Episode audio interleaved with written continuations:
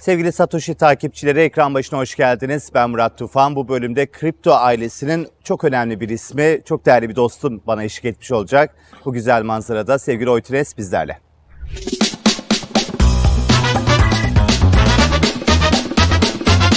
Evet, kripto teknik kurucusu ve piyasa uzmanı sevgili Oytunes. Hoş geldin Oytun, nasılsın? Hoş bulduk Murat. Nasılsın? İyisin? Çok teşekkür ederim. Valla seni gördüm daha iyi oldum diyelim. Şimdi bolca Bitcoin'i konuşacağız. Bitcoin'in akıbetini, geleceğini, anını, her şeyi konuşacağız yani özetle Oytun.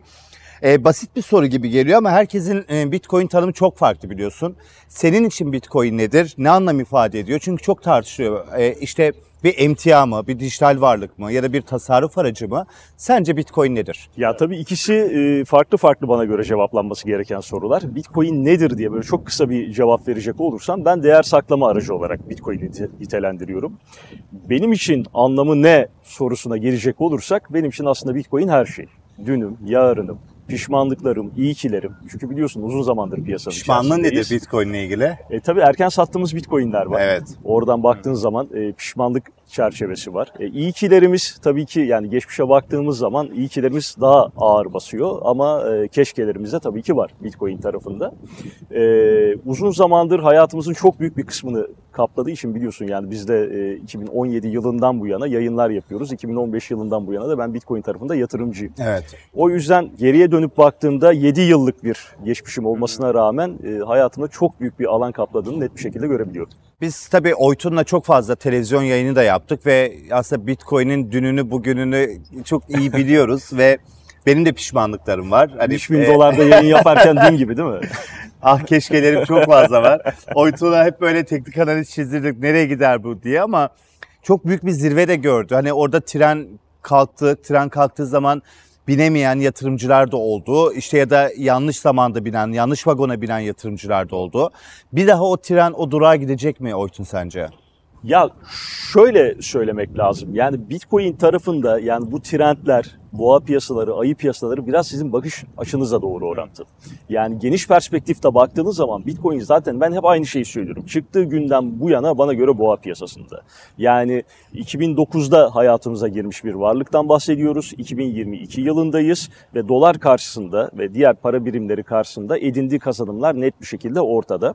Ben Bitcoin'de trendin hala yukarı yönlü olduğunu düşünüyorum. Yani önümüzdeki süreci bir süreçte Bitcoin tarafında daha gidilecek çok yol var. Evet. E, fiyat anlamında da bu böyle, teknoloji anlamında da bu böyle, adaptasyon anlamında da bu böyle. O yüzden e, tabii ki burada kesin şu olacak, özellikle kripto paralarla alakalı e, kesin şu olacak, fiyat buraya gidecek demek e, doğru değil. Zaten Ama, piyasada çok belirsizlik de var. Aynen çok öyle. Da Ama benim bakış açım şu, e, Bitcoin tarafında hem fiyatlanma anlamında sadece Bitcoin demeyelim yani kripto paralar anlamında hem fiyatlanma anlamında hem teknoloji anlamında şu anda emekleme aşamasındayız. Daha gidilecek çok yol, varılacak çok zirve var. O zaman bu zaman zaman olan satışlar, zaman zaman olan düzeltmeler sadece boğa piyasası içerisinde bir teknik anlamda bir düzeltme olarak okuyorsun. Yoksa bir ayı piyasasına girdiğimizi Bitcoin'de göstermiyor. Çıktığı günden bu yana aslında bir boğa piyasasının içindeyiz. Sadece zaman zaman geri çekiliyoruz anladığım e, kadarıyla. Murat bunlar hep oluyor. Evet. Yani şöyle söylemek lazım. Bitcoin'in fiyat hareketlerine baktığımız zaman yani 1170 dolara kadar yükselen Bitcoin'in 150 dolarlara kadar geri çekildiğini evet. görüyoruz. Aynı Bitcoin 150 dolarlardan 20 bin dolara gitmeye başardı. E, aynı Bitcoin 20 bin dolarlardan 3200 dolara geriledi. Evet. 3200 dolarlardan 69 bin dolara yani Neresinden bakarsan aslında e, bu bir döngü. Önemli. Aynı döngü. döngüler yine devam ediyor ve evet. şu an o kadar da ahlanıp vahlanacak bir durum yok. Geçmiş döngülerine baktığımız zaman o kadar da sert bir düşüş yapmadı. Tabii. Yani 69 bin dolarlardan 20 bin dolarlara gerilemiş bir bitcoin fiyatlaması var. Anlayabiliyorum. Evet. Diğer piyasalara göre çok daha sert bir düşüş ama e, tarihine baktığımız zaman bunu hep yapıyor. Bitcoin tabi böyle şey yani biz Satoshi kanalı olarak bizim için Bitcoin çok değerli. Ama Bitcoin deyince işte kripto para ailesinin içerisinde bir ürün baktığında tabi Bitcoin bu teknolojiye getiriyor blockchain teknolojisi ama Bitcoin vari başka bir kripto para sence var mı Oytun? Yani sence şu da bir Bitcoin kadar büyük bir anlam ifade ediyor, değerli. Bunu da mutlaka kontrol e, e, bir bakmamız gerekiyor diyebiliyor musun? Bir de her kripto paraya bakamıyoruz takdir edersin ki. Teknolojisini bilmiyoruz, ekibini bilmiyoruz. Burada da izleyicilerimize sen hep uyarıyorsun zaten. Çok teşekkür ederiz e, kendi takipçilerine de.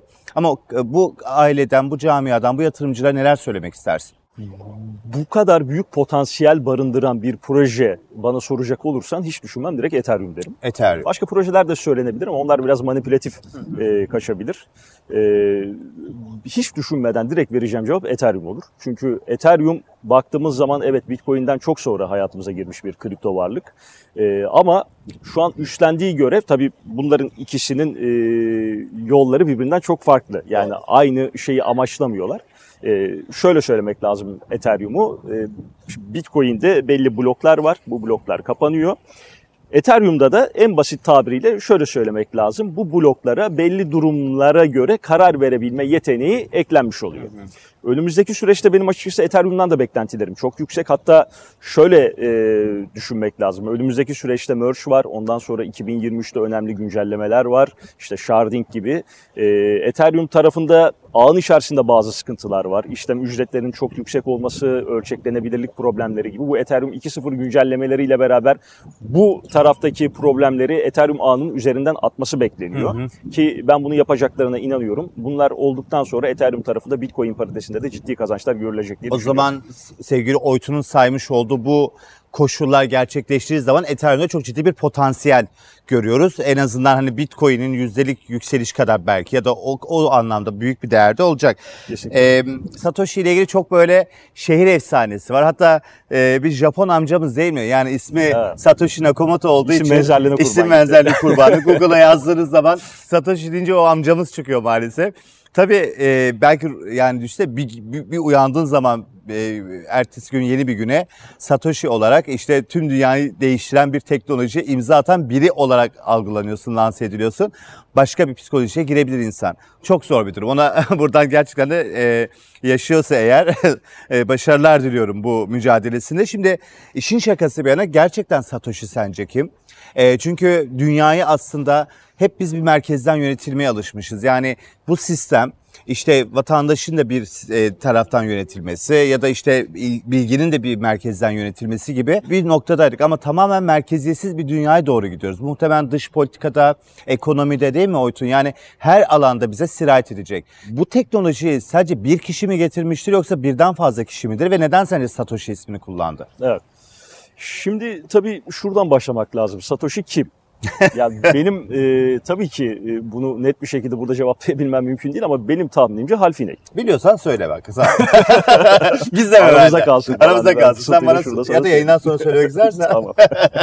e, bence Halfiney. Yani bütün e, özellikleri taşıyor. Hı hı bununla alakalı. Tabii ki farklı düşünceye sahip olan e, birçok insan var. E, bu konuda görüş ayrılıkları var. E, bunlardan hiçbirisi de olmayabilir. Bambaşka bir insan olabilir. Bambaşka bir grup olabilir. Evet. O yüzden kimliğiyle alakalı şu an net bir şey tabii ki söyleyemiyoruz. Ama bana göre Halfiney olmasa, Halfiney zaten vefat etti. Halfiney olmasa da başka biri bile olsa ben şu anda yaşadığını düşünmüyorum. Evet. Eğer tabii ki sadece bir kişi ise Tabii burada şunu e, sormak lazım. Yani Satoshi'nin kim olduğunun ortaya çıkması önemli mi? Ya da Bitcoin'e fayda mı getirir, zarar mı getirir? Bence faydadan çok zarar getirir.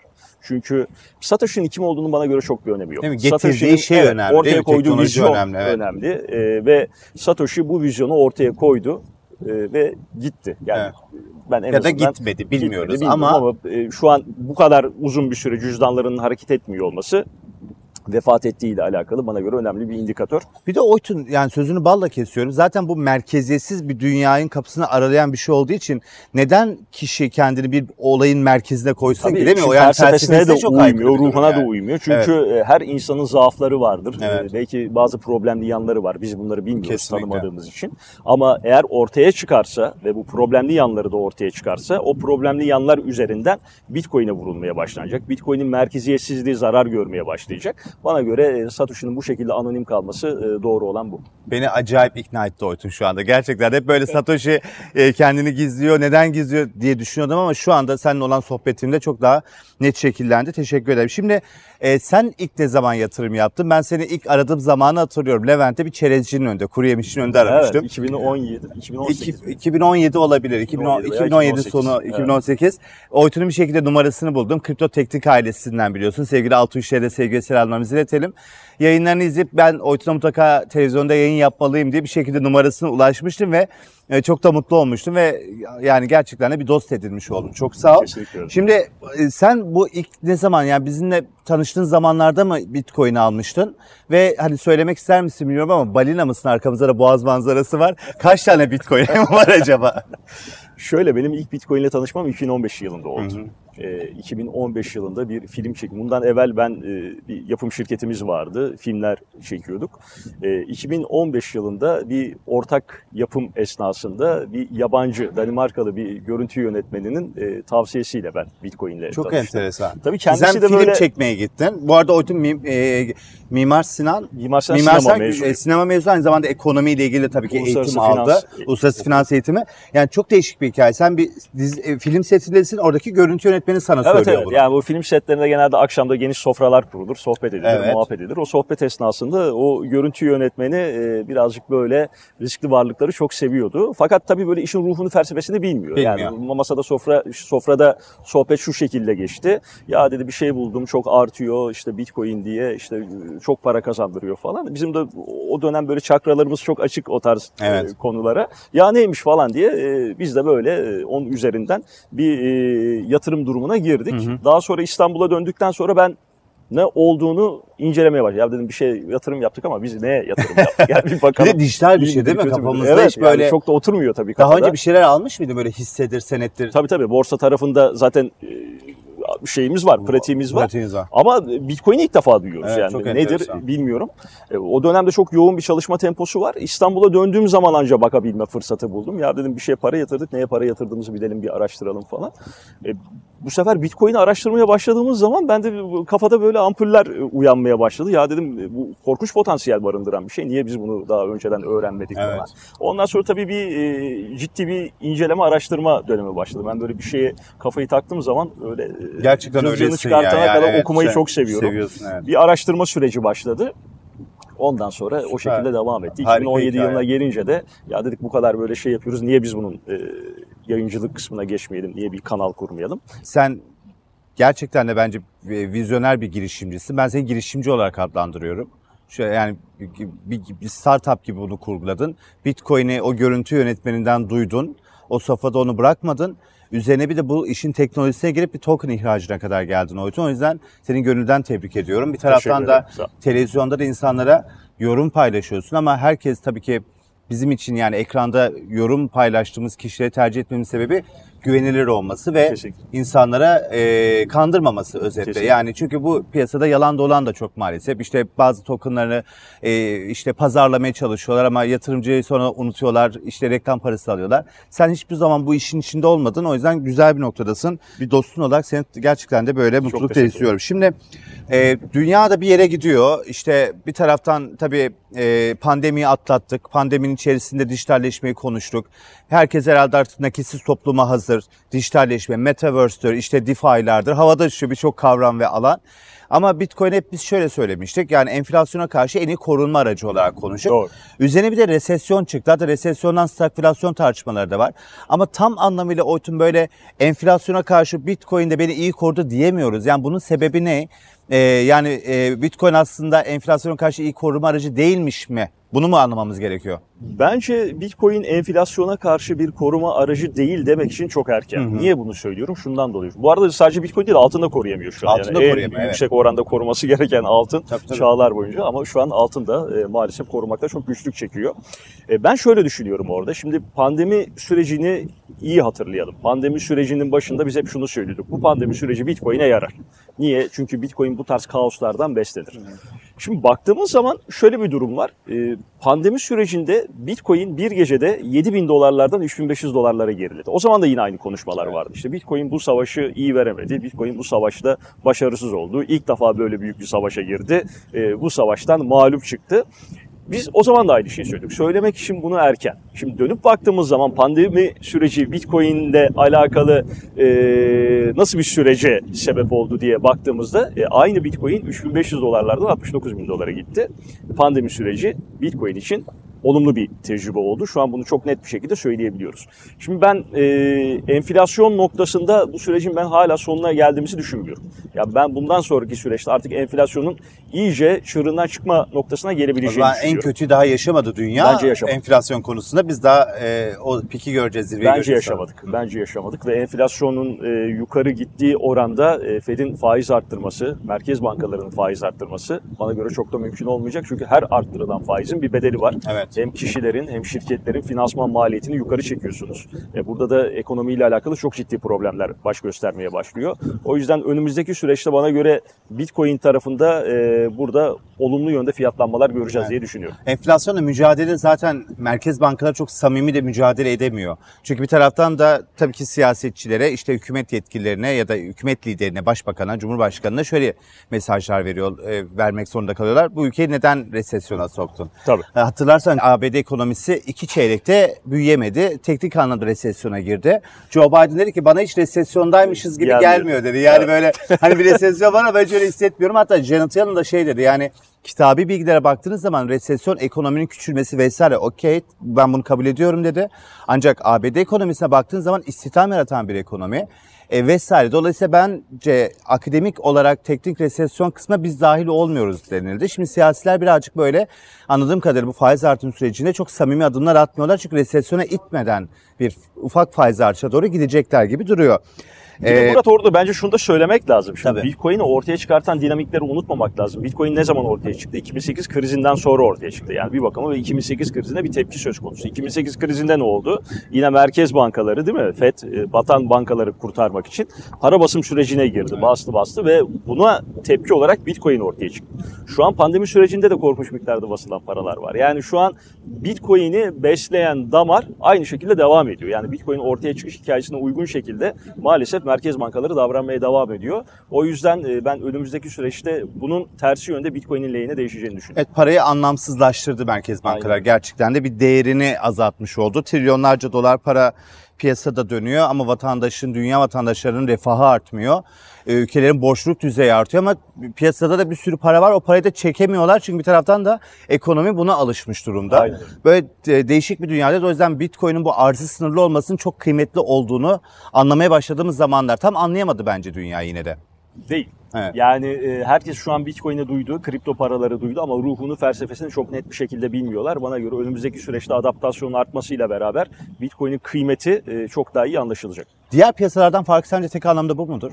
Tabii çok ciddi farkları var. Yani e, barındırdığı felsefe, düşünce, akım itibariyle zaten diğer piyasalardan net bir şekilde ayrılıyor. Volatilite anlamında ciddi anlamda ayrılıyor. Yani diğer piyasalarla bana göre çok fazla benzerliği olan bir piyasa değil. Ama artık tabii bu kadar kurumsal yatırımın girmesiyle beraber ilk önce 65 bin arkasına 69 bin dolarla beraber e, diğer piyasalarla birebir ilişki içerisinde. Evet. Eskiden bu kadar bizim ilişkimiz yoktu diğer piyasalarla. Ee, kripto teknik nasıl gidiyor? Gayet güzel. Böyle birazcık piyasa konuştuktan sonra Altun'la anlaşıyoruz. Bak Altun ayağını kaydırmak istersin ya da Altu'dan sıkıldıysan Altu işlerden. Hani ben buradayım biliyorsun yani. Öyle kripto teknik ailesinde sen de bir şey yapmak istiyorum. Altu'yu buradan gönderebiliriz. Yani ismini de değiştirelim. Kripto teknik değil de kripto temel yapalım. Altı ile gayet iyi gidiyor. Biz Süper. zaten bu Altı ile üniversiteden arkadaşız. Aynen. Ee, kripto teknikte gayet geyikli şekilde e, devam ediyor. İnşallah Altuğ'da ağırlama fırsatımız olur. Ee, takvimimiz uyarsa diyelim. O zaman e, sevgili Oytun hemen Bitquiz bölümüne geçelim.